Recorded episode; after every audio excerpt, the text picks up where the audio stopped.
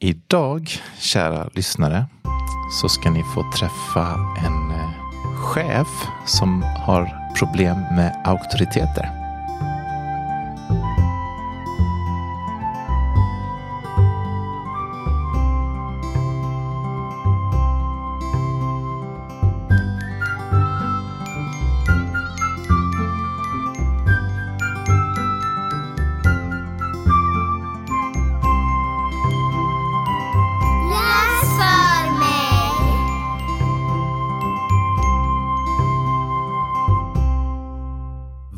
Välkomna till Halmstad stadsbibliotek och avsnitt 25 av podden som heter Läs för mig. Eh, och vid min sida har jag Carolina Ja. Jafour. ja, och jag heter Fredrik Holm.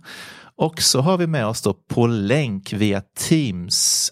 Ja, jag säger inte mer än att bara du får säga ditt namn direkt här. Vem har vi med oss?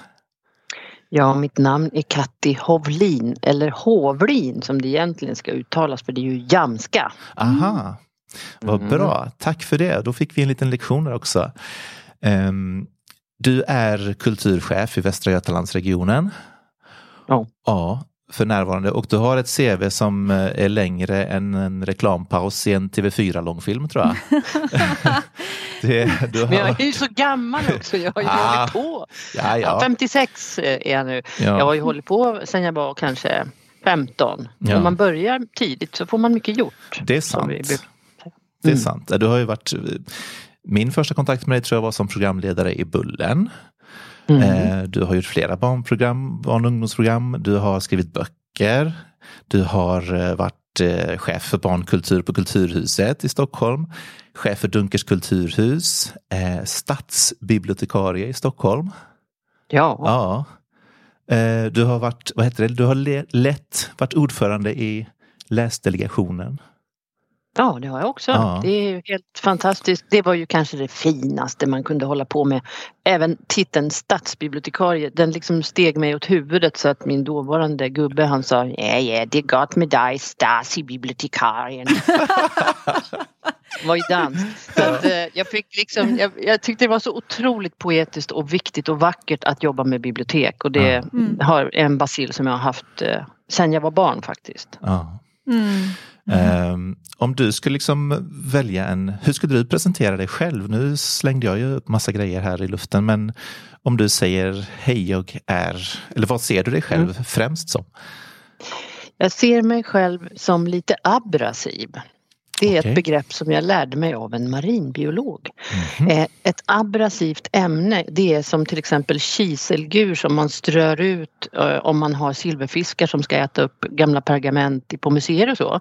Då strör man ut kiselgur som är ett abrasivt ämne ungefär som mångrus. Det fastnar liksom. Ah, Okej. Och det skapar lite friktion. Eh, och så skär de upp magarna, de stackars silverfiskarna och så dör de. Eh, när de krä- krälar omkring där i kiselguren. Men då kände jag så här, nej men det är nog jag. Jag gillar liksom att eh, inte skapa friktion för friktionens skull. Men om alla är på väg dit och det är viktigt att tycka så eller gå åt samma håll då måste jag alltid gå lite långsamt åt andra hållet och utforska vad händer där borta. Mm, skrapa Eh, lite. Mm. Så det är det ena att jag liksom mm, Jag tycker hela tiden att jag bör försöka mer. Ja. Alltså på ett lite abrasivt sätt. Det måste, det, det, man får inte sätta mentala gränser för sina tankar och drömmar utan om man har väldigt stora tankar så kanske man når hälften men har man lite mindre tankar då når man ju kanske bara hälften av dem. Just. Så att där har ni lite och när andra så här, jag har också väldigt svårt för auktoriteter. Mm. Alltid haft sedan jag var liten liksom. Jag kan Mm. inte förstå att det finns en kung och att det skulle vara något speciellt med kungen. Mm. Så att eh, en annan grej som är signifikativ för mig det är när, när man går runt ett bord så här och så säger alla ja, jag är jurist i botten och ja, jag är läkare i botten eller Mm. jag är ingenjör i botten. Då måste jag alltid säga ja, jag är bonde i botten. Ja, För att jag har gått på lantbruksskola. Det är egentligen, under lång tid var det min enda fullgjorda examen. Ja. Jag hade inte tagit någon akademisk examen eftersom jag blev musiker och så. Busade runt istället. Mm. Men då säger jag, jag är bonde i botten för att liksom Vi är ju inte våra yrken Nej. eller examina utan vi är ju människor som har så oändligt mycket spännande inom oss som inte alls definieras utifrån våra jobb. Just det. Där har ni det, lite abrasiv och lite platt kan man säga. Hierarki, gillar inte hierarkier. Nej. Nej. Nej. Vad- Eller jag gillar att vända på dem. Vad coolt också, det jag, det jag tänkte på när du sa att du inte gillar auktoriteter och så ser jag hur mycket chefsjobb du har haft. Det, det blev eh, häftigt, men det var- behöver inte vara en auktoritär chef heller. Men det var, det var lite... Eh, nej. Nej. Men du, innan, innan vi... Jag känner att det här kan... Eh, jag bara skulle vilja låta dig prata fritt, men vi har ju lite styrda programpunkter också, så att innan vi eh, rullar vidare här så vill vi ha Språkminnet. Jag har ganska många men om vi ska ta ett som var väldigt viktigt som liksom definierade mig så är det att jag kommer hem från skolan en dag, hem till min pappa. Eh, Av olika anledningar så växte jag och mina syskon upp med farsan från jag var tio år. Och så är jag uppfylld av en grej, det har hänt något i skolan så jag, jag berättar vad som har hänt väldigt engagerat så här och pappa han sitter vid köksbordet och hummar. Mm, mm. Och sen säger han 47. 47, vadå 47? Ja, det var 47 liksom i den här berättelsen. eh, och det är ju spännande med det ordet liksom och det är väldigt frekvent använt just nu i din generation. Men det skulle ju kunna vara spännande om du hittar lite synonymer eller varierar eh, ditt språk. Och jag tänkte bara jävla gubbe, jag ska aldrig mer berätta något viktigt för dig. Men sen så, liksom lite som tiden gick så insåg jag att det ligger något i vad, vad han säger, alltså Mm. språk är makt. Mm, verkligen. Att ha ett rikt språk är viktigt och det fick jag, då kom jag till språkminnet som hänger ihop med det här med liksom. Och det var ju att jag hade ju ganska sneda tänder, ni kan ju se det här. Så här. Eh, och det fanns en fascistisk tandläkare på min skola, tysk. Dagny Krendel hette hon. Ja, hon var faktiskt inte snäll. Hon brukade skratta ihop med sköterskan så här när jag låg där i stolen och säga det är helt otroligt, det ser ut som någon har kastat in tänderna här på lilla katt i munnen. Ja på långt avstånd. Och då hade jag tänkt ut, nej jag hade tänkt ut, jag tror det var 12 eller ja 12 år. Jag hade tänkt ut ett svårt ord och en fråga som jag skulle ställa till henne. Så när hon sa att det såg ut som tänderna var inkastade på långt håll och att jag naturligtvis måste ha en tandställning, ja. Då sa jag, är det så att jag kommer få hål i tänderna och tappa tänderna utan tandställning eller är det här en estetisk fråga? Det var ett Oh. svårt ord. Ja. Ja men det är en estetisk fråga, sa hon. Det är liksom, herregud, ingen kommer vilja pussa dig med de där tänderna. Och då sa jag, vet du vad du kan göra med din tandställning? Den kan du stoppa in i något annat barns mun. Och så bara tog jag av mig grejerna och så gick jag därifrån. Oj. Wow. Ja. Det är apropå det här trotsiga. Ja. Jag ska fan inte ha någon tandställning. Och sen så log jag med stängd mun i tio år för att jag hade ju egentligen, jag hade ju egentligen komplex för att tänderna var lite sneda. så- Men man kan le väldigt bra med stängd mun också. Mm. Det går. Det går. Det går att le med ögonen också. Ja, det gör det faktiskt. Det var vackert sagt där. Ja. Men eh, ja, tror du du hade haft tandställning om hon hade haft ett annat eh, tilltal? Ja, Mm. det tror jag. Mm. Men jag har alltid liksom ogillat och känt redan från jag var litet barn att varför blir jag bemött som en idiot? Mm. Mm. Mm. Varför förminskar man oss? Ja. Eller mig? Ja. Liksom, nej, jag, vill, jag är inte med på det. Så jag fick ju väldigt stark självkänsla med från mina föräldrar faktiskt. Mm. Mm. Ja. Eh, men, och det var det här med språket som ju, både pappa och mamma var ju lärare också. Mm. Mm. Mm. Eh, så att man fick med sig det här. Ja, ja det, det får mig lite grann in på nu det här med barn. Alltså när du, den här bes, historien anknyter lite grann till varför vi har dig som gäst här också. För att det grundade sig lite grann i att vi satt ju, jag och Carolina på varsitt håll, eh, eh, jobbade hemifrån och tittade på en konferens som hette Att nå varenda unge. Mm. Eh, anordnad av Språkstegen i Kronoberg, Blekinge. Och eh, du hade fått, jag tror du hade blivit lite inkastad också som anförings, vad heter det, keynote speech, eller du skulle sätta tonen för dagen. Mm. Just det, det var Lotta Brilliot som var sjuk och så ringde Just de mig det. och tänkte det är klart att jag ska rädda dem i denna svåra situation. Gör Precis. mitt bästa. Mm. Och eh, du höll ett eh, ganska kort och kärnfullt, väldigt personligt eh, tal där som, som eh, nog gav oss båda gåshud och vi Mm. kände eh, direkt upp med telefonen. Vi, jag vet inte vem av oss som var först, men vi, Skrev vi skrev varandra. typ samtidigt. Eh, Katti till podden, Katti till podden, ja, ja. Eh, vi blev helt liksom eh, ja, sagt, det var väldigt personligt och väldigt starkt och man kände så tydligt att du står på alla barns sida liksom. Eh, Ja. Det fick man verkligen en stark känsla av. Och hur, hur väcktes det i dig att, att vara den förkämpen, liksom att få med det, upplevelser ur barndomen som klart mot den här tandläkaren men också att bära med sig det hela, hela, hela livet och ha det perspektivet. Mm, nej, men jag har sett, när jag har tänkt tillbaka så har jag insett att vissa grejer som hän- händer när man är barn får en stark påverkan sen. Det är svårt att se det just då. Vad man var med om, att det här är en vändpunkt i mitt liv eller så. Men eh, det ser man ju liksom i backspegeln. Men jag var ju med om, men det var ju så här, min mamma hon var ju väldigt med svinrygg och liksom fin och så här och sen helt plötsligt bara så slänger hon av sig alla vad ska vi säga, bojor, frigör sig, sticker med en mycket yngre hippiesnubbe och lämnar oss. Mm. Jag och mina stora syskon. Och vi sitter kvar där hemma eh, med pappa som sitter och stirrar på ett glas med sprit. Han, han jobbade ju så, han blev inte alkis eller något men liksom det var, han funkade inte. Nej. Så att vi fick helt enkelt, vad ska man säga, kavla upp ärmarna och sköta den här familjen. Mm. Och när man är barn då vet man ju ingenting annat. Liksom, nu är det det här läget. Eh, så vi fick ju handla, tvätta, städa, laga mat och sköta om allting. Han såg till att det fanns pengar och så men ja, vi fick bli liksom de vuxna i rummet som Mm. Ulf Kristersson skulle ha sagt. Eh, och då var ju jag, jag, jag var nio år när det här hände och fyllde precis tio och då fick jag liksom som ett stort mörker inom mig. Och jag är väldigt i kontakt med den här lilla ungen. Jag, jag tror inte jag har blivit så mycket äldre än tio år. Och jag är noga med att vara i kontakt med henne också för hon är ju klarsynt. Mm. Eh, och eh, mera to the point. Men jag liksom kände att okej, man kan inte lita på de vuxna. Mm. Det är inte där som liksom det kommer man kan luta sig när det stormar utan jag måste liksom hitta något annat. Och då gick jag till mitt lokala bibliotek med ett stort mörker inuti och så sa jag jag vill lyssna på sorglig musik.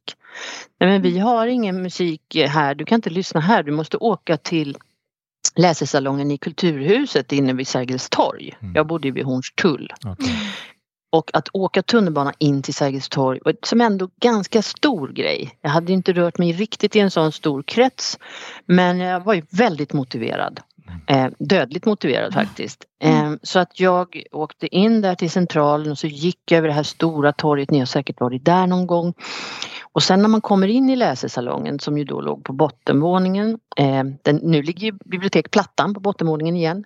Allt har cirklar. Men hur som helst, då är det bara en jättelång öppen plats fram till en disk som inte alls var anpassad för barn naturligtvis. Så att, eh, men, och vi gillar inte att gå över öppna platser där vi är sedda människor. Det finns forskning på det. Men är man tillräckligt motiverad så tänker man, vad fan, jag måste gå fram. Så att jag gick dit och bakom disken där så stod en eh, konstig, lite medelålders tjej med liksom knut och så hade hon en penna nedstucken i håret och hon, hon sa liksom inte hej! Eh, hon sa ingenting utan hon höll på med något så här. Eh, och jag sa bara väldigt seriöst att jag vill höra den sorgligaste musik som ni har här på biblioteket.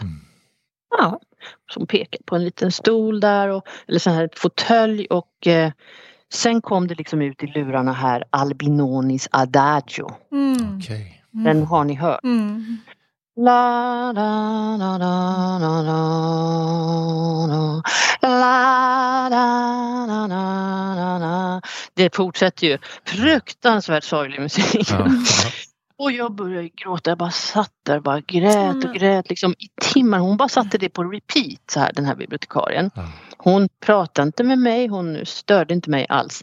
Eh, och jag fortsatte ju komma dit efter skolan så här, på eftermiddagarna och hon bara jaha det är den där lilla svarta tjejen. Ja ja ja. Så hon, varsågod. Eh, och spelade olika sorters väldigt dramatisk sorglig musik. Mahler och Sjostakovitj och Tchaikovsky och allt möjligt som inte jag visste då att det var det som jag lyssnade på. Men sen kom hon förbi en dag så här.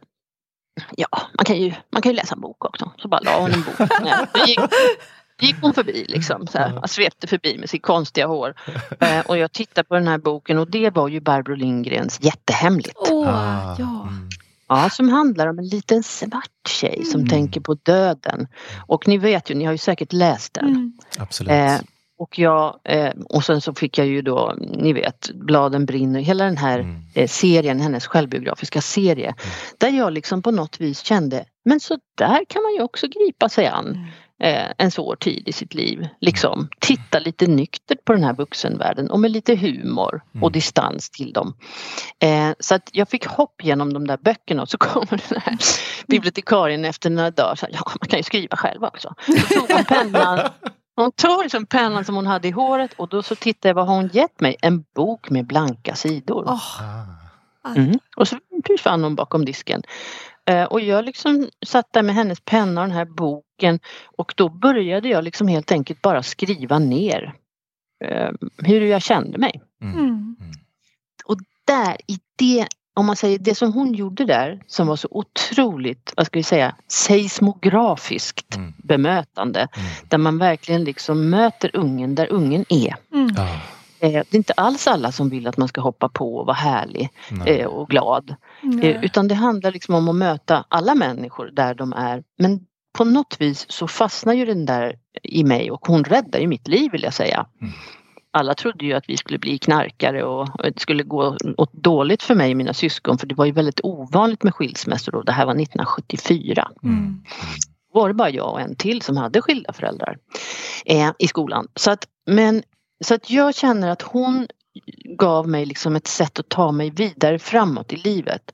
Och det glömde jag aldrig liksom. Så att när jag, sen så gjorde jag en massa andra grejer. Jag blev ju bonde som sagt. En lite kort karriär som traktorförare eftersom jag är alldeles för impulsiv men jag ville bli som min morfar som var hästgubbe uppe i Jämtland. Och så här.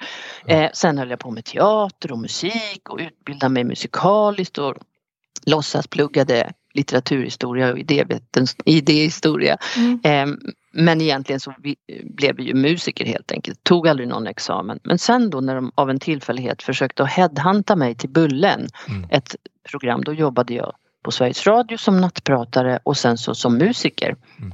eh, resten av tiden. Eh, med en annan tjej då, vi hade ett band. Mm. Eh, och när de eh, ringde mig så sa jag, för det första har ni ringt fel, jag, är pro- jag var ju proggig liksom. Jag har ingen TV, jag tittar inte på TV, det är ytligt. Ja. Men vi tror kanske att det här programmet kunde vara någonting för dig att testa och så här. Då var det någon som hade sett mig uppträda då. Okej. Men när jag kom dit, då, hade de, då gav de mig en jättetjock bunt med brev. Från de som skrev till Bullen. Just Och det var ju barn och ungdomar. Mm. Mellan, man ska säga, mellan 10, 11, 12, 13, 14 upp till 16. Ungefär det spannet. Mm. Eh, och när jag läste de här breven så blev jag påmind liksom om Ja men den här enorma ensamheten som man kan känna som barn. Mm. Att jag är helt ensam med det här problemet. Det. Eh, Jag kan inte prata med någon vuxen, jag har liksom ingen eh, livlina här. Och att det här programmet på något sätt representerade en sån stora syster eller Ja. en sån kompis som man behöver. Just. Och det var ju jättebra påminnelse för mig om att ja men gud, det är ju det här jag ska hålla på med. Så att så länge jag hade uppdrag som liksom hade den, vad ska man säga, inriktningen så tyckte jag det var meningsfullt att vara i, inom televisionen. Men jag ville ju egentligen aldrig, eh, ja, jag be- behövde inte liksom bli kändis. Det är Nej. fruktansvärt jobbigt att vara kändis. Mm. Don't go there säger jag bara, det är hemskt. Ja. Eh, för man måste bli hemlig och ja, ni vet, det är inte roligt. Alla tittar på en och tar Mm. på en och håller på. Mm. Men själva innehållet, att så att säga alltid stå på ungens sida. Det blev jag påmind om att det behövs vuxna som gör det. Mm. Eh, och där var också väldigt så här sköna äldre tanter, producenter som sa att du ska aldrig tro att du vet vad, hur, vad de känner eller hur de har. Du ska ha stora öron och liten mun ska du ha. Just det. Så att du lyssnar och tar till dig det. Så det här delaktighet som alla älskar att snacka om. Mm. Det fick jag liksom in i mitt DNA som en metod. Just Och det har ju jag fortsatt med sen när jag utvecklat bibliotek för barn och unga och sådär. Att jag hittar inte på. Vi ska inte hitta på själva utan vi ska liksom få in här. Vad är viktiga, bra Mm. idéer? Mm. Både fysiska eller annat bemötande och sånt.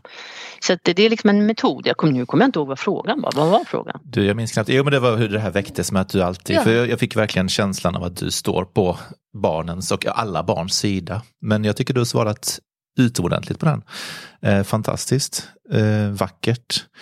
Och eh, vi, vi, tänker som sagt att vi går in lite grann på det här temat som var på den här konferensen också, att, att nå varenda unge. Och eh, jag fick en, eh, jag har snott en formulering, jag vet inte exakt om den är ordagrann. Jag var på en annan liknande konferens fysiskt något år tidigare där uppe i Stockholm. Som mm. eh, Bokstart anordnade. Och då var Karina Fast där som, eh, som forskar mycket på läsning och literacy och sånt och pratar om biblioteken. och eh, nu vet jag inte om det här är exakt, men det här var andemeningen. Hur når vi fler än de som behöver oss minst? Eh, och det gäller väl kanske då mm. bibliotek och, och mm. kulturen mm. kanske i stort, men ja. Det tycker jag är en så himla kärnfull formulering, för det är viktigt att nå de som vi är angelägna för också. Men hur når ja. vi de som, som eh, ja, hur når vi inte bara de som behöver oss minst? Har du, har du någon Nej, tanke det... kring det? Har du någon, eh... Ja, mm. jag har jättemycket tankar om det och ja. jag tycker att eh, om vi bara tar det här med att nå varenda unge. Nu håller jag på att grubbla mycket på. Vi har en, en grej som vi jobbar med i Västra Götalandsregionen som heter kraftsamling för fullföljda studier. Ja. Och det kommer sig av det här, ni såg MUCF-rapporten här, det finns 150 000 barn och unga som är hemmasittare eller utan varken arbete eller studier. Mm. Eh, och eh, bara på Tjörn där jag bor finns 100 som inte går till skolan. Eh, så att jag grubblar och jag hållit på med det här nu i flera år. Att varför är det ingen som frågar dem? Vad skulle få dig att kliva upp ur sängen och gå ut i ditt liv igen och gå ut i samhället och till skolan? Mm. Vad är det som är fel på strukturen eller systemet som gör att du har hamnat där? För det är liksom man, nu lägger man skulden på den enskilde mm. och det gör vi tyvärr i utbildningssystemet och nu är det väl några lärare som kommer vilja slå mig på käften. Men det är i alla fall väldigt liksom individfokus. Mm. Jag har två pojkar, de är 23 och 24 år. Ja. Eh, och när de gick sko genom skolsystemet så var det redan från sex års. Så kan man sitta med Ruben, min yngsta där och så säger pedagogen Ja, du når inte riktigt kunskapsmålen Ruben. Hur har du tänkt att du ska göra det? Och så tittar tittar jag på de här kriterierna för att nå kunskapsmålen och så säger jag, hörru, jag har gått på universitet och jag förstår inte de här kriterierna. Hur tänker du att Ruben ska förstå vad han ska göra? Det här är ju helt bakvänt liksom. Och den här fokuset på att man ska nå vissa kunskapsmål i en viss frekvens i en process som alla ska liksom greja på samma sätt. Det är inte rätt tänkt tror jag för vi är så olika. Och vi har ja, vi har liksom busat runt med vår skola så mm. att den är fragmentiserad, privatiserad, det är ingen likvärdig tillgång eh, till en häftig utbildning för alla barn och unga på grund av att vi har ändrat på strukturen också. Mm. Och att det är för lite resurser inne i skolan. Så att om man bara radikalt, om man säger politiskt, någon skulle bestämma att det får max vara 20 elever i en klass eller 15. Mm. Man kan inte vara pedagog och ha liksom 36-åringar. Det går inte. Mm. Men det, jag hör inte de förslagen. Så att eh, det här med att nå varenda unge. Där jag tror att jättemånga underbara saker sker. Det finns jättebra ansatser och massor av människor som brinner för samma sak. Men när så många känner att de vill hellre stå utanför det här än att gå till en skolmiljö. Om det nu är skolan som känns läskig för att mm. det är så häftig jargong eller man känner sig inte trygg. Eller att man inte kan ta till sig undervisningen eller vad det nu är. Eh, så kan, då måste vi liksom tänka, vi som jobbar i offentliga, det måste vara något fel på systemet. Mm. Och om vi ställer oss frågan på riktigt, nu är barnkonventionen lag. Mm. Har vi lyssnat på barnen? Mm. Har vi frågat dem så här, ja, hur ska vi bygga upp vår skolmiljö för att du ska älska att hänga här? Eller hur ska, hur ska ditt bibliotek vara? Vad saknar du här i din biblioteksmiljö? Det är ditt bibliotek. Mm. Eh, jag tycker att vi gör det, vi gör ansatser men det får tyvärr inte någon konsekvens.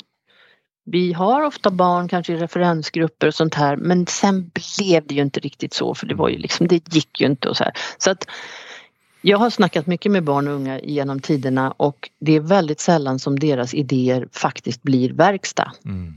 Och därför har jag gett mig den på att när jag har möjlighet så ska jag lyssna på dem och de ska få makten över det som vi nu har på bordet. Till exempel den här barnavdelningen eller vad det är. Eh, och då träffar man mera rätt. Mm. Och det var därför Bullen var ett bra program för vi hittade inte på någonting. Vi träffade rätt därför att vi bara gjorde det som de bad om. Just det. De Ja. skrev det här är vårt problem, ta upp det. Mm. Och Ja. då träffar man mera rätt. Just det, och när du pratar om skolan där och hur den är formad så tänker man att det är mycket, eh, om man eh, anknyter till det du sa innan, det är bara mun och inga öron. Nästan. Mycket mun. Mycket mun Ja, i alla och- fall, väldigt lite öron. Ja, Eh, och sen eh, just det här att ehm, man tänker sig att jag har ju en käpphäst där, försöker säga alltid till kultur och utbildningsministrar att eh, varje skola borde vara mer som kulturskola. mm. Alltså att man har estetiska grejer som kärnämnen. Ja. Man lirar, man dansar, man målar, ja, man, man spelar teater Mm. eh, inom ramen för det dagliga skolarbetet. Mm. Därför det utvecklar andra sidor av oss och man måste liksom lita på varandra om man ska hålla på med parakrobatik. Så det bygger social shit också förutom allt annat underbart att vi lär oss bättre matte och så också. Mm. Men det har jag tyvärr inte lyckats med ännu så att eh, jag har mycket kvar att göra under min livstid. Mm. Bra. Ja. Ja, men här, vilka härliga stridsfrågor eh, frågor och så ändå. Liksom. Vilket, vilken härlig... Ja, man måste vara lite, apropå vara abrasiv, men sen tänker jag på det som ni håller på med att jobba med bibliotek. Mm. För det är ju ofta eh, Dels när jag jobbade i Stockholm då som Stasi-bibliotekarie så hade vi ju bibliotek också i alla förorter och utsatta områden och där är- kan ju biblioteket vara en ofattbart viktig plats Mm. för de som har det knorrigt hemma. Mm. Så man har ju liksom en sån underbar plattform när man jobbar i ett bibliotek där man kan vara någon annan slags vuxen som Precis. de inte visste fanns. Liksom. Precis. Och som inte har några krav eller Nej. Nej. sådär, Nej, liksom inga man måste- kunskaps... Man kan och kolla på... Exakt. Ja, Och så ehm, kan man prata om fantasivärldarna, det märker man ju. Alltså, har du läst den också, säger de. Ja, men du, vad tycker du om det där? Liksom, då blir de så här exalterade för att man är, är du vuxen och i den här världen också. Ja. Ja, det är Ja, visst. underbart att få fåna runt sig och, och ja, träffa, träffa de yngsta läsarna och de som ska bli läsare. Det är jättehäftigt. Mm. Nej, så- ni har världens viktigaste jobb. Världens viktigaste jobb. Ja, det är ett fantastiskt Åh, jobb. Ja, tack så mycket. Ja, det är väldigt, väldigt roligt. Eh, och utan barnen så skulle det vara jättetråkigt. Ja.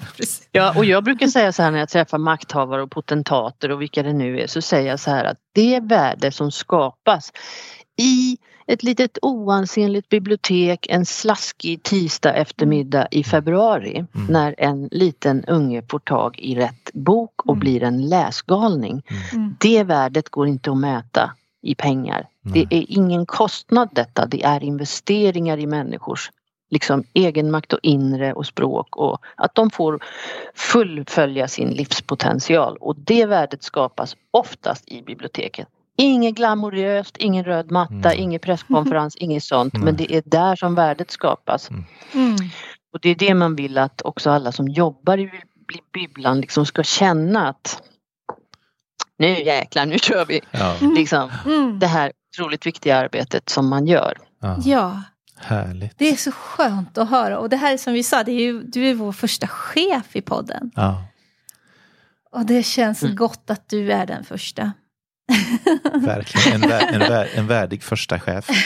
Eh, Oj, oj, oj. minst sagt. Men du, jag, jag funderar, på, vi brukar ha lite, nu har vi, vi hade ju, vi har skickat lite kuckelimuckfika till dig Katti, men det har inte riktigt kommit fram än. Nej. Nej. Men, men du ska få den själsliga aspekten eh, nu och så kommer du få den kroppsliga fikan senare. Men jag tänker att vi, vi, vi ska fortsätta prata men jag tror Mm. vi Vi flikar lite- in med ett- vårt ett lilla litet- break här. Ett litet är det break. högläsning? Ja, Ja. Och äntligen. ja vad här, åh gud vad härligt att du säger så. Ehm, den här, jag ska läsa eh, ur eh, en bok som heter Folk av Emma Adbåge och Lisen Adbåge eh, som är utgiven av Natur och kultur. Främlingar och vänner, någon du kanske känner. Och en Kan liten parentes är ju att Litterära Lund är ju precis nu Just det. Mm. digitalt. Och eh, 15.25 så kommer Britta Persson sjunga de här. som de har tonsatt. Just Ja. det. Idag som vi Ja, vad spelar in. Ja. Lyssnar du på det här så kan man inte lyssna på det här. Nej. Ja, fast det kanske kan se det i efterhand. Det kanske det? blir ja, så. kanske blir så. Ja. Nåväl. Eh, jag ska läsa ett litet eh, poem som heter Trösthandla. Mm. Våtservetter, värktabletter och en veckas färdigrätter. Salt för bad, ljus choklad, någonting som gör mig glad. Mogen frukt, sudd med lukt. Ved som någon annan huggt. Finpraliner, vitaminer och något nytt för bra rutiner. Skivat bröd, mjölk så röd, massa gott i överflöd. Flera glassar och jag lassar allting ner i papperskassar. Knallröd ros, sötad juice, två paket med pulvermos. Det var trösthandlingen och vi har inte skickat pulvermos Och inte och inte vitaminer. vitaminer, men, Men lite lite- finpraliner. Och faktiskt Oj, oj, också oj. kanske ljus choklad nämner de också. Jag vet inte om den är ljus eller mörk, men i alla fall choklad. Mm, Det är chocolate. väldigt rätt. Ja, vad bra. Det paketet, det är så välkommet. Jag måste ju ha choklad varje dag så jag Underbart. Nej, men då var det ju Då jättepassande. var det ju en hit. Ja. Jag funderar på om jag ska dra en till bara nu när vi ändå har boken framme. Jag får har jag du dra även, får jag dra får även eh, kroppens psalm? För den tycker Ja. jag är så fin också. Kroppens psalm. Du som haver kroppen kär, se på den för vad den är. Den har ben och den har tänder, armar, mage, röv och händer. Kroppen kommer, kroppen går. Om du älskan, kroppen mår. Mm. Det var Ja, en fin helt liten underbar. bit ja, om Den är kroppspositivism. väldigt bra mycket bättre kanske än Gud som haver barnen kär. Ja, den skulle jag faktiskt hellre vilja läsa som, som min lilla Mera kvällsbön. svängig. Ja, den är mer sväng. Otroligt. Ja. Men vad roligt att det blir högläsning här i podden för att eh, jag är ju en sån här liten människa som så länge morsan fanns i livet så att säga, vi har goda relationer nu så det är Ja. inte Mm. så. Nej. Men eh, hon läste ju högt hela Ja. somrarna. Hon läste högt på kvällarna och liksom vi läste ju otroliga böcker eh, eller vi lyssnade tillsammans då. Mm. Och när jag fick barn så påbörjade jag högläsningen genast. Ja. Så att mina barn är ju fortfarande, nu läser de högt för sina tjejer, Mm. grabbarna, Ja. eh, och kan inte sluta läsa högt. Och jag har indoktrinerat min älskling så att jag har högläsning för honom. Nu har han kommit igång. Ja. Så det här med högläsning, det behöver man ju aldrig sluta med. Nej, precis. Det är ju så fantastiskt. Vi brukar säga det att läsa högt för någon, det är en kärlekshandling. Mm. Det är någonting som Mhm. är liksom man ger av sig själv någonting Mm. väldigt vackert. Och, och namnet på podden är ju Läs för mig. Så liksom Mm. bara där har vi liksom vädjan att eh, och det händer så mycket när man läser för någon och, och ehm, det är fantastiskt. Och jag har faktiskt till och med, apropå det här, säger man att sluta inte läsa. Jag har ah, nu är det sådana anekdoter som jag inte riktigt kan belägga varifrån jag har hört, men någon pedagog i något sammanhang, jag har jobbat som bibliotekarie i över 20 år eh, och eh, så var det en som sa att de hade ett barn som hade så, ja, verkade liksom verkligen ha en motvilja till att lära sig läsa. Det gick, kändes som att barnet jobbade emot, ville, inte- kunde nog mer än vad den ville visa och då Mm. visade det sig att eh, barnet i fråga trodde ju att om den skulle lära sig läsa så skulle ju föräldrarna sluta läsa högt så den ville ju inte, ville ju inte gärna lära sig för då kanske det här vackra Åh. skulle ryckas bort. Nej, jag Eh, förstår det. ja. det ofta så, så är det ju så att vi tror att vi har förklarat någonting för ett Mm. barn men man har, vi har inte det. Nej. Man tar det liksom bokstavligt. Mm. Det var ju som någon pappa berättade för mig att hans son blev så otroligt deprimerad när de började prata om att liksom bli spännande nästa år. Då ska du ju flytta upp i mellanstadiet och då börjar i mellanstadiet och han, pojken blev mer och mer och mer liksom inåtvänd och hela sommarlovet var bara som ett ösregn. Ja. Till slut så kom den här pappan på att jag ska nog fråga liksom vad är det egentligen som gör dig så ledsen och orolig nu? Mm. Ja men när jag flyttar upp i mellanstadiet, vad ska hända med alla mina kompisar då? Mm. Ja. Ja men de ska också Ja. flytta. Ja. Men det hade de liksom inte sagt Nej. riktigt. Nej. Utan det är du som ska flytta upp i mellanstadiet. Och det är återigen den här bokstavliga liksom att man tror att ja, men det här blir väl jättehärligt. Men barnet läser kanske in en massa andra grejer som inte har sagts. Precis. Ja. Ja, det, det, det är så öronen. viktigt det där hur man, hur man pratar Mm. med barn. Ja, och fråga som sagt Mm, om, om precis. vad det kan vara. Ehm, Fredrik, får jag flika in med en liten grej? ja, du, får, du behöver inte fråga ens. Nu luktar det choklad här, Katti. Mm. Ja, Mm. kul att vi sitter och läskar. så Ja, som- ja, vi har Men kolla, kolla, kolla. Har du har- Jag någonting? sa ju att jag hade alltså praliner. Nej, kolla, kolla, kolla. kolla. Ja, Ja, men, men ko- du har alltså, du har själv. fin praliner. Lys på om du kan. Vi kuckelimuckfika tillsammans. Ja, men det är bra, så Perfekt. sätt igång. Skål genom Jo, men jag tänkte så här, em, när jag kontaktade dig så var ju det här visionen. Mm. Vågar vi berätta den? Det vågar vi faktiskt, för nu Ja. har det kommit så långt. Kör på. Eh, Jag, och jag hör det när du pratar om det här med skolan, med de estetiska ämnena. Du har ju också bre, en bred syn på, på språk på ett sätt. Och det här eh, visionen vi har om ett litteraturhus där det ska vara högt i tak, men också att berättandet är i fokus. Men sen är metoderna, det kan vara musik, det kan vara film, det kan vara dans, det kan vara allt möjligt. Eller om du bara vill skriva, och det är inte bara. Men hur ser du på det här med litteraturhus nu som, som en vision? Vad tror Ja. du om det? Nej, men så här, jag, eh, när jag fick chansen där i Stockholm att utveckla ett bibliotek för mellanbarnen. För Mm. de fanns ju inte i Kulturhuset. 10 till 13 blev biblioteket. Eh, och då frågade jag dem så här, vad ska man kunna att det var ett bibliotek, det var liksom out of discussion för det var så jag hade fått tag i pengarna. Så att det här kommer bli ett bibliotek men det är ju på era villkor och vad tycker ni att man ska kunna göra i ett bibliotek? Och vilka ska jobba där? Hur ska de vara? Och då så jobbar jag ihop med en forskare från Centrum för barnkulturforskning i, i Stockholm för att få liksom riktiga svar. Eh, jag har intervjuat barn jättemycket men jag vet ju att de kommer svara lojalt det de tror att tanten vill höra. Eh, liksom.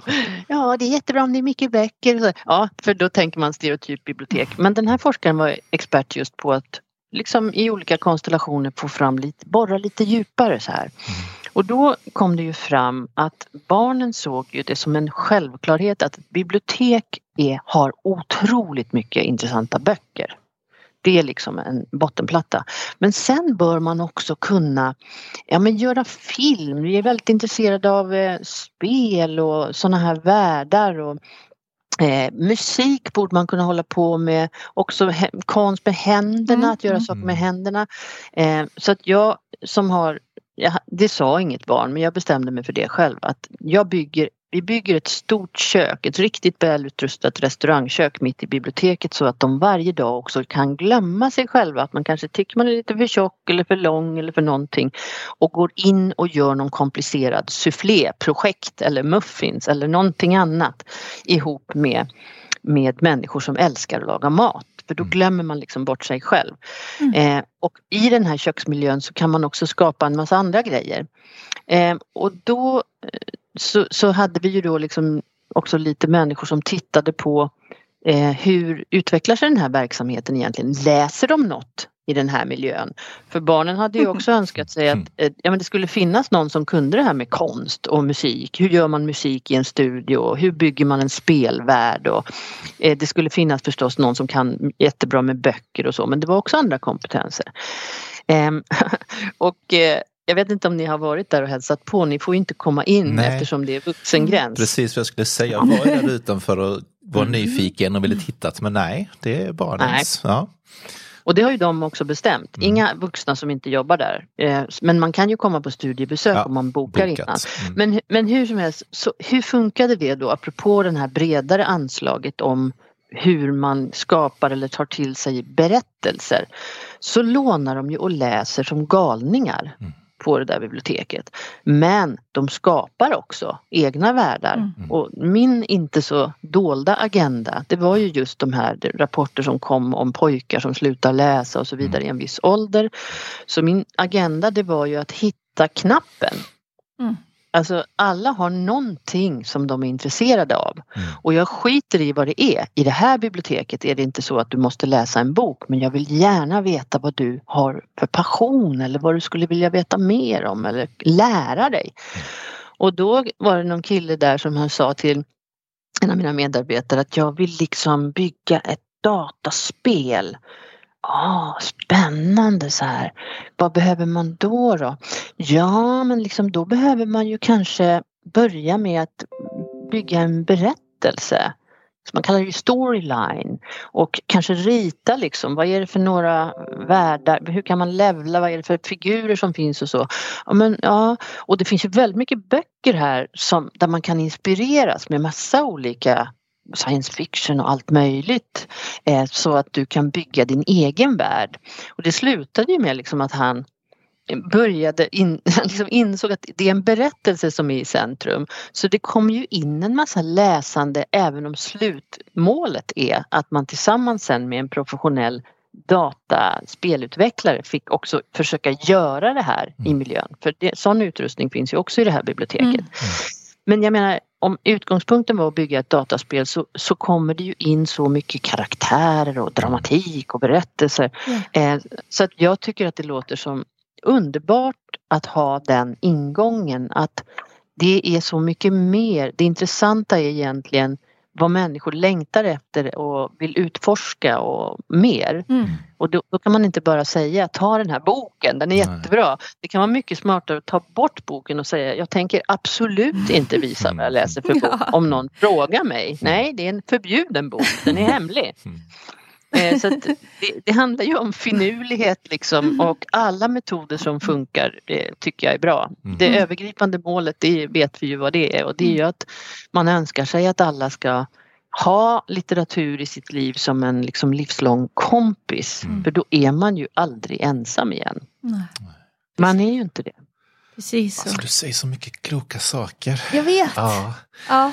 Eh, fantastiskt. Och jag, jag, tänker, jag tänker på det, jag tror vi har sagt i något tidigare poddavsnitt också, att man har ju det här med, liksom, man stöter på folk som säger att de hatar att läsa och de har aldrig läst och så här, men, men jag har aldrig faktiskt, tror jag, stött på någon som säger jag hatar en bra berättelse.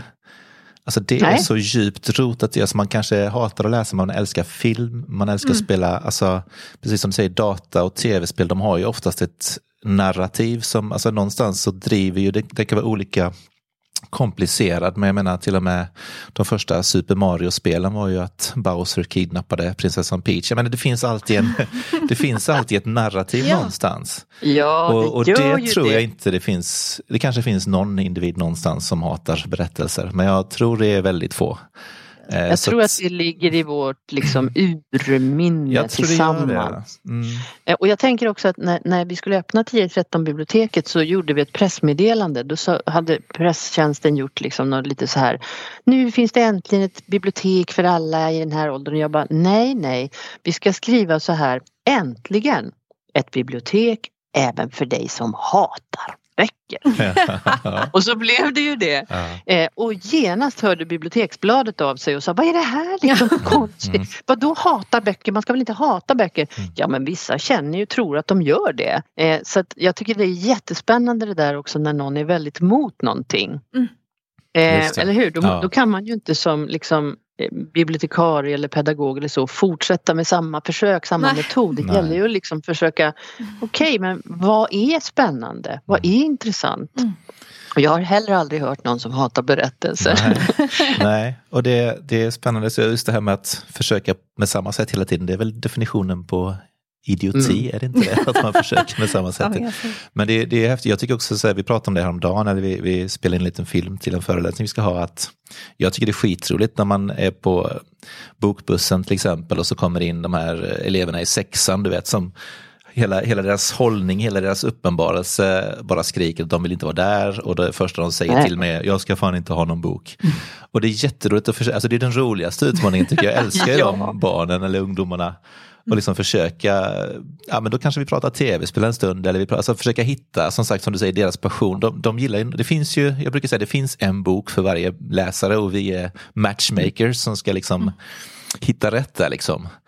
Ja. Eh, och det finns ju, alltså ja, men just de här som är ovilliga är ju underbara utmaningar och att man också då kanske inte bara säger att Eh, ja, men då kan du gå härifrån. Eller, alltså, man har ju stött på både olika pedagoger och eh, olika bra bibliotekarier i livet också.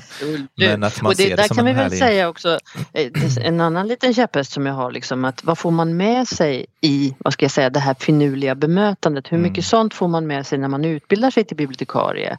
Träna sig liksom Mm. på att bli en människomänniska som är bra på att eh, möta människor där de är i olika åldersgrupper. Jag tror att den delen är kanske lite eftersatt. Ja. Eh, och sen så kan man ha det naturligt för att man känner att gud vad roligt, här är såna här små svarta ungar som inte alls vill vara här. De ska jag se om jag kan vinna över till min sida liksom. Ja. Men alla är ju inte så som du säger. Eh, men jag tänker att eh, en sak som inte barn verkar veta, inte många vuxna heller, eh, som jag tycker är en väldig USP för biblioteken, det är ju att vi är ju sedda nu och övervakade överallt. Jag menar man kan följa mig och mitt konsumtionsmönster och vad jag är Mm. och vad jag har köpt och vad jag, allting så här genom min mobil till exempel. Mm. Men ingen får begära ut vad jag lånar för hemliga litteratur. Ja, Nej. det. Det är endast där på bibblan som det full sekretess faktiskt råder. Mm. Och det brukar vara ett ganska tungt argument också för barn och unga som är i hedersförtryck eller Mm. så. Eh, Att eh, här är liksom en frizon. Mm. Här är en hemlig plats där det är bara mellan dig och det som du vill läsa. Mm. Ingen har med det att göra. Mm. Och det är inte alla som, som vet det faktiskt. Nej. Men jag tycker att just den delen att man är eh, liksom en fri medborgare som ingen har rätt att liksom titta på vad man gör eller att någon vill sälja något till Nej. en. Utan här är jag fri att liksom bara odla mitt eget grönskande inre och läsa om sexuellt överförbara sjukdomar Ja. även fast jag inte får bry mig om sex. Nej. Liksom. Precis. Precis. Det tänkte jag var en, det var en kille som var här och tog Guinness rekordbok 2021. Ja.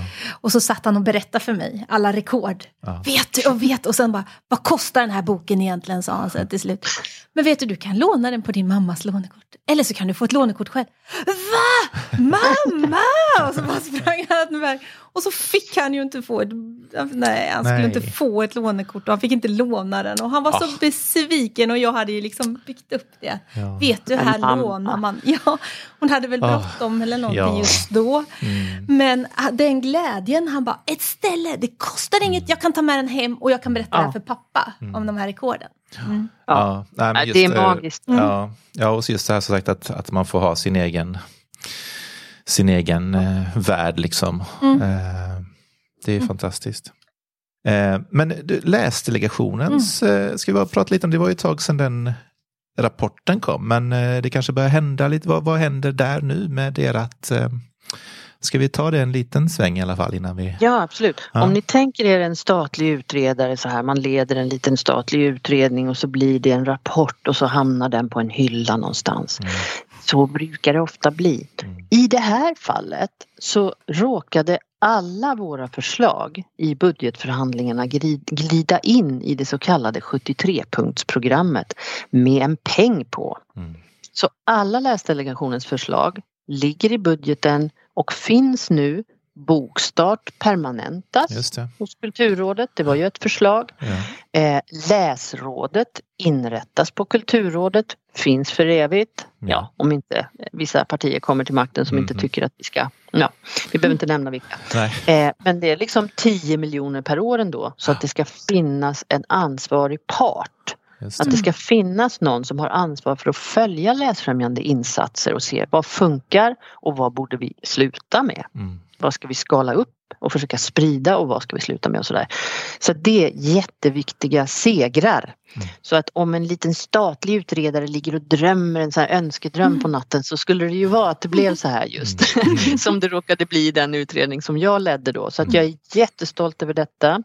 Jag följer arbetet ganska noga och är involverad också för Kulturrådet som ju är myndigheten där Läsrådet ska vara och där flera Mm. av de här satsningarna finns. Ni vet läsfrämjande Jajamän. lyft Mm. bibliotekarier, det var ju också vårt förslag. Ehm, så att eh, vi har mycket kontakt om det här och jag är jättestolt över detta att det liksom också finns rejäl peng. Ja. Så att kommunerna som ju har folkbiblioteksansvaret och skolbiblioteken också kan faktiskt hova hem de här statliga satsningarna så att man kan frigöra barnbibliotekarier för att jobba med bokstart eller Mm. vad det nu är. Så det känns, eh, det är någonting att vara stolt över Mm. eh, och glad. Så att det rullar framåt Ja, på ett bra sätt. Vad jag jobbar med i min roll nu eftersom jag är regional nu just det är det. ju att sprida kunskapen om det här och att stötta kommuner att orka. För att i en liten kommun så är det inte ens säkert att man har någon som kan göra en ansökan, alltså att man Just har det det. utrymmet ens en Nej, gång. nej. Så att vi försöker vara en bra stött, stöttning där genom vårt regionbiblioteksuppdrag. Mm, mm. Så att de här pengarna kommer ut där de, apropå Gör det där citatet om bok, bokstart, där, där de gör, inte där de gör minst nytta Nej, utan där det. de behövs mest. Precis.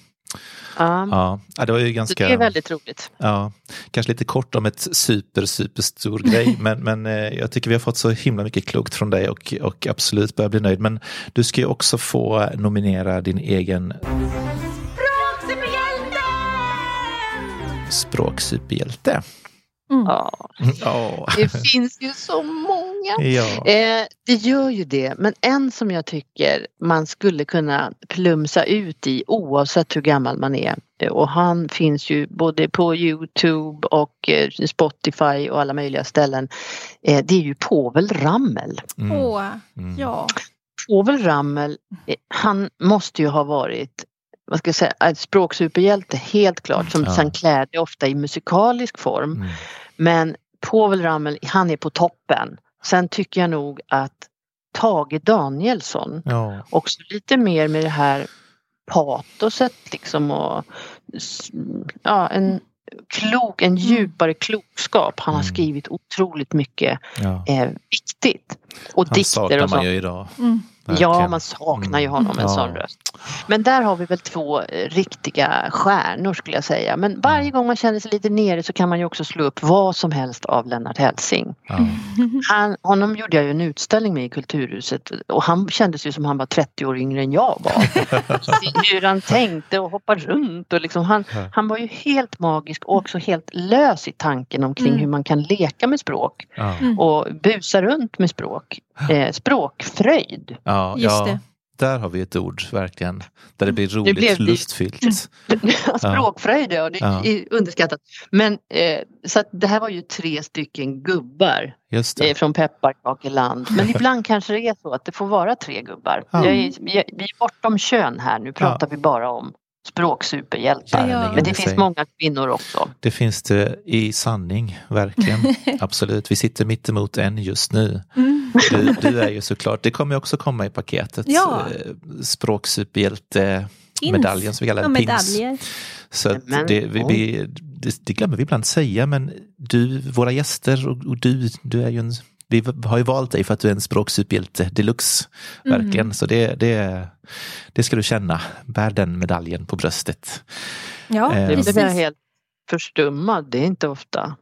Tack säger jag. Ja. jag. Jag har hört av min älskling att jag är dålig på att säga tack. Okej, ja.